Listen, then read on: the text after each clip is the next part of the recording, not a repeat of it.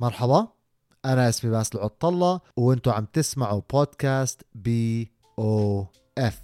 قبل ما أبدأ بحلقة اليوم بحب أذكركم تشتركوا بالقنوات الصوتية اللي بتسمعوا من خلالها وتابعوني على صفحتي على إنستغرام BOF MENA لمحتوى أكثر عن الرياضة الصحة التغذية حلقة اليوم هي الجزء الثاني من سلسلة كيف أزيد وزني. في الحلقة الأولى حكيت فيها شرح عن موضوع مين الناس اللي بتعاني من هذه المشكلة؟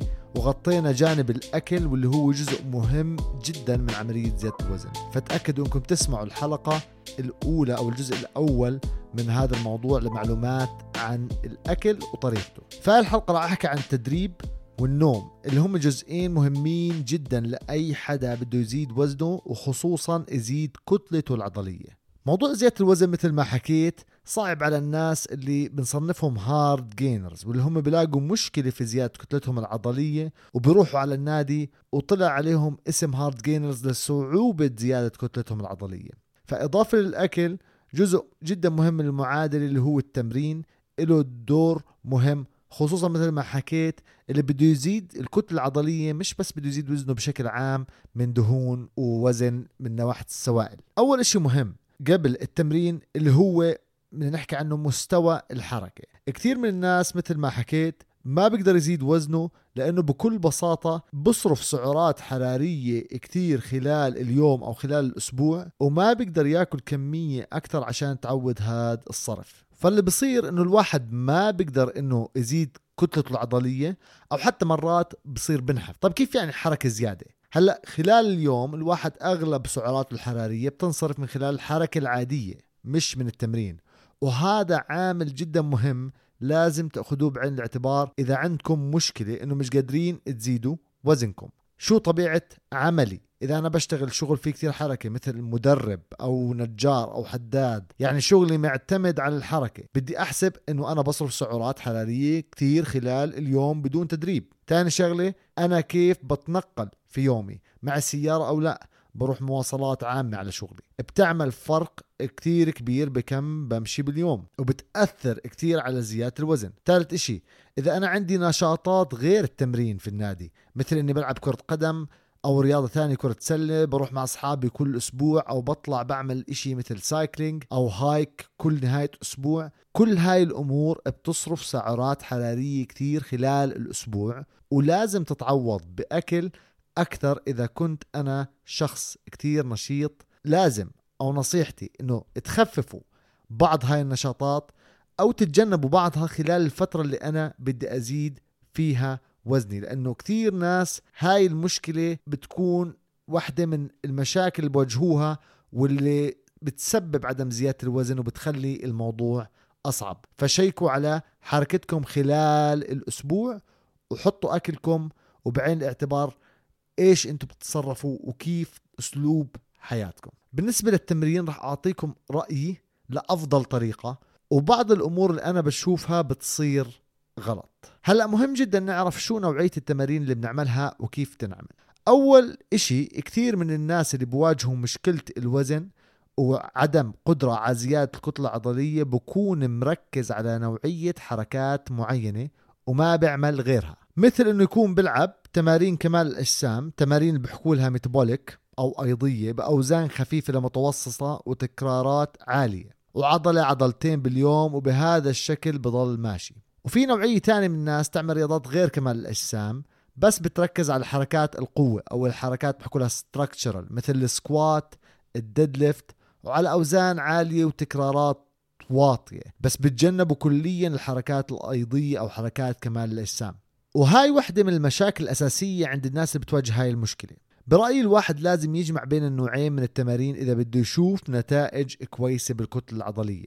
لازم إذا كنت بس بعمل حركات كمال الأجسام إني أدخل الحركات الأساسية مثل ال deadlift وال squat وضغط كتاف و bench press بأوزان ببار حر بأوزان عالية مش بس أضلني شغال على أجهزة وعلى أوزان خفيفة متوسطه وحتى لو بتعملوا حركات شبيهة أو بتشغل نفس العضلات طريقة تنفيذ الحركة بالأوزان الحرة بالبار مختلفة والضغط اللي بتحطه على الجسم مختلف. بتحفز الجهاز العصبي يشتغل بطريقة مختلفة يشتغل على مجموعات العضلية الكبيرة. وخصوصا لما أحاول أضيف أوزان عالية أو أجبر جسمي يشغل كل الألياف العضلية مشان يعمل تكرار واحد أو اثنين على وزن عالي كتير. أي شخص بيعمل تمارين قوة بزيد القوة تبعته راح يكبر حجمه. في علاقة طردية بين القوة وحجم العضلات. صح مش الإشي الوحيد أبدا بس في علاقة وأكيد أنه التمارين الأساسية إلها دور أساسي بزيادة القوة وأكيد زيادة الكتلة العضلية وزيادة الوزن. إذا هاي التمارين مش موجودة عندكم بشكل أسبوعي اتأكدوا أنكم تضيفوها وراح تشوفوا فرق كبير. هلا النوع الثاني من الناس اللي بس بتعمل الحركات الأساسية بتلعب رياضات مثل ال CrossFit أو powerlifting على سبيل المثال تتجنب حركات ال bodybuilding هاي النوعية من الحركات لازم تكون موجودة عندكم إذا بدكم تزيدوا حجم الكتلة العضلية تبعكم. الحركات الأيضية بتشغل العضلات بشكل كمان مختلف كليا عن الأوزان الثقيلة بتستخدم أكثر من شغلة بتحفز العضلات إنها تكبر مثل الوقت اللي بتحطه تحت الضغط. حكوا time under tension لما الواحد على سبيل المثال يعمل جولة 12 تكرار ياخذ دقيقة أو دقيقة ونص مشان الجولة بتفرق عن العشر أو 20 ثانية مع الأوزان الثقيلة بتشغل الجهاز العصبي بشكل مختلف الألياف العضلية بشكل مختلف. بتحفز إفراز الهرمونات مثل ال growth تستوستيرون حتى أكثر من الأوزان الثقيلة وهاي العملية الأيضية اللي بتصير لما أحط العضلات تحت ضغط لوقت طويل لازمة لأي حدا بده يكبر عضلاته. من ناحية إفراز البروتين بعد التمرين أو الطريقة اللي بيشتغل فيها جسمي بعد تنفيذها. ثاني شغلة جدا مهمة فيها أنه بقدر أستهدف عضلات معينة أو مناطق صغيرة معينة ما بتنفع في الحركات الأساسية الكبيرة. وهذا إشي أساسي للي بسعى لشكل معين أو أنه يكبر مناطق معينة بالذات مش بس بشكل كبير بشكل عام. فهاي نقطة أساسية لما أجي أعمل تمارين أو أصمم برنامج تمارين إذا أنا بدي أزيد وزني وكتلة عضلاتي ما يكون عندي تعصب نحو نوعية معينة من التمارين وإنه هي الأفضل وأضل أحاول بنفس الطريقة وأفشل. ضيفوا النوعيتين من التمارين لأنهم بكملوا بعض من ناحية الدور اللي بيعملوا في الجسم سواء من عملية الأيض أو إفراز الهرمونات أو تفعيل العضلات أو زيادة القوة وطبعا زيادة الكتلة العضلية. نقطة كمان جدا مهمة في تنفيذ التمارين هي الطريقة اللي أنا بنفذ فيها التمارين.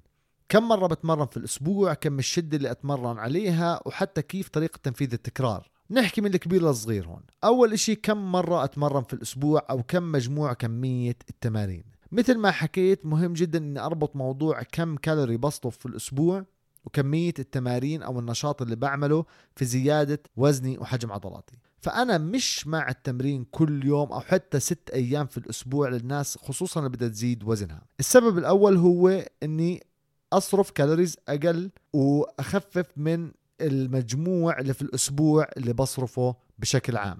السبب الثاني هو عملية الاستشفاء أو أني أقدر أبني الألياف العضلية من أول وجديد بالطريقة الصح. لأنه مثل ما ذكرت مصطلح البروتين سينثيسيس في العضلات أو بناء البروتين. قبل هيك إشي مهم جدا. أولا الناس جينيا عندها اختلاف في هاي العملية واللي هي كيف برجع وبرجع ببني العضلات وكيف بعمل استشفاء. وفي ناس تحتاج وقت أكثر من ناس وفي ناس عندها العملية فيها إنتاج أكثر للبروتين في العضلات بعد التمرين. فلازم إني آخذ هاي الأمور في عين الاعتبار. فنصيحتي إنه تعطوا حالكم الكمية والوقت الكافي للاستشفاء والراحة لأنه راح تشوفوا نتيجة أفضل في بناء العضلات. ثاني إشي طريقة تنفيذ التمارين من التكنيك والشدة. في كثير ناس ما بتتحدى نفسها بشكل حقيقي لما تيجي تعمل أي تمرين. فعلى سبيل المثال اللي مدرب حكالي اعمل 15 12 10 خلص الموضوع بصير حفظ بالنسبة لهم بعمل التكرارات حسيت بإشي أو لا فادني التمرين أو لا ما بفرق. وهاي نقطة كثير مهمة إذا بدكم تشوفوا نتيجة من ناحية زيادة العضلات أو القوة. لازم إني أركز على كم هذا التمرين بتحداني؟ هل الوزن هذا سهل وأنا بس بعمل 12 لأنه المدرب حكالي ولا بدي هدول ال 12 يكون لهم أثر؟ فدائما خلوا تركيزكم على الأثر تبع التمرين.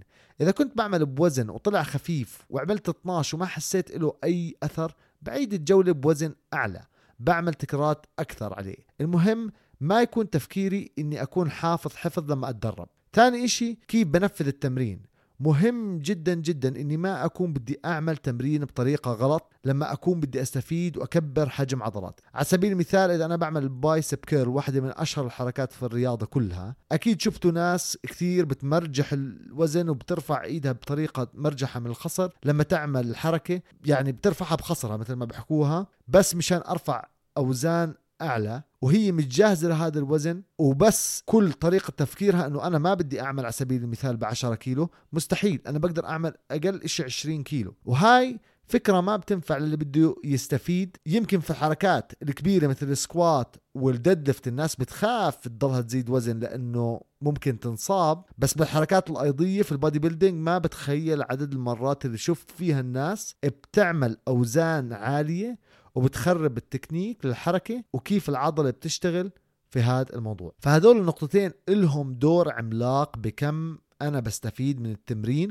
وشو الأثر تبع التمرين على عضلات. بكل بساطة إذا بدي أوصف هدول النقطتين ما تشلفقوا التمرين تبعكم. طريقة ثالثة مستخدمة ولها أثر على حجم العضلات هو الجانب السلبي من الحركات والتركيز عليه. الحركة لها ثلاث جوانب. الأول بحكوا له concentric اللي هي بتنقبض في العضلة تصغر وهذا الجانب اللي بتركز عليه بالعادة. الثاني بحكوا له isometric اللي هو العضلة ما بتغير الشكل فيها يعني يا إما العضلة بأعلى التكرار يا إما بأسفل التكرار. والأخير اللي هو بحكوا له eccentric واللي هي بتمتد في العضلة عشان ترجع لحجمها الطبيعي. والأخير هذا ال eccentric له دور مهم كثير بحجم العضلات. الدراسات بتفرجي إنه الجانب السلبي له دور في عملية ال protein synthesis له دور في تشغيل النظام العصبي بطريقة معينة تكبر حجم العضلات في الجسم له دور في إفراز الهرمونات بطريقة عالية. بس طبعا هاي نوعية من التمارين لها أثر على الجهد اللي بنحط على العضلات وبتحتاج عملية استشفاء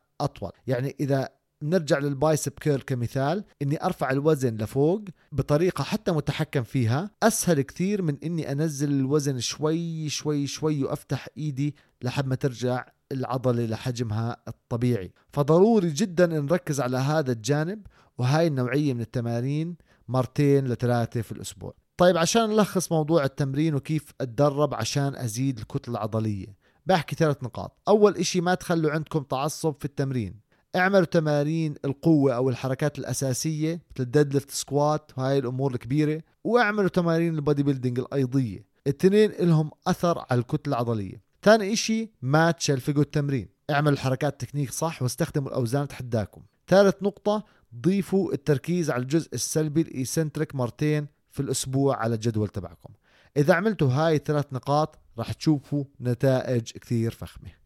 حكينا عن الأكل وحكينا عن التمرين آخر إشي لازم أحكي عنه اللي هو موضوع النوم. موضوع النوم حكيت عنه كثير وعلى أثره على كل نواحي الصحة وحجم العضلات والأداء أكيد واحد منها. بكل بساطة بدكم تشوفوا نتائج كويسة من ناحية الوزن وحجم العضلات لازم تناموا صح. ما في إشي بيأثر على كل هرمونات الجسم أكثر من النوم. بدكم إفراز صح للتستوستيرون للجروث بدكم تناموا صح. بدكم شهيتكم تكون منظمة ومش مرة جوعان ومرة شبعان ومليش نفس بدكم تناموا صح. بدكم عملية استشفاء العضلات بدكم تناموا صح. بدكم جهازكم العصبي يشتغل صح بدكم تناموا صح. فما تستخفوا بموضوع النوم ابدا ابدا. ناموا من سبع لثمان ساعات كل يوم أقل إشي. هذا كان كل إشي عن موضوع ال hard gainers كيف أزيد وزني كيف أزيد عضلاتي. إذا أنتم بتعتبروا حالكم hard gainers هذا الجزء من المجتمع. تتغلبوا أنكم تزيدوا وزن عضلاتكم أو وزنكم بشكل عام. ركزوا على هاي الثلاث نقاط اللي حكيتها من أكل من تمرين من نوم. بدكم تلتزموا بدكم تصبروا عشان تشوفوا النتيجة بس راح تشوفوا نتيجة. ما تحكم على حالكم إنه خلاص أنا ما بنفع معاي وانتهينا. بتأكد إنكم تشاركوا الحلقة مع أي حدا بتعرفوه بعاني من هاي المشكلة مشان يستفيد. بتمنى الحلقة تكون عجبتكم. ما تنسوا تسمعوا الجزء الأول من هذا الموضوع اللي هو حلقة رقم 13 اللي حكيت فيه عن الأكل. اشتركوا في القنوات الصوتية اللي بتسمعوا من خلالها. تابعوني على إنستغرام بي وف مينا مشان تشوفوا محتوى أكثر عن الصحة الرياضة التغذية. هذا كان كل إشي لليوم. تسمعوني بحلقات قادمة إن شاء الله. وسلام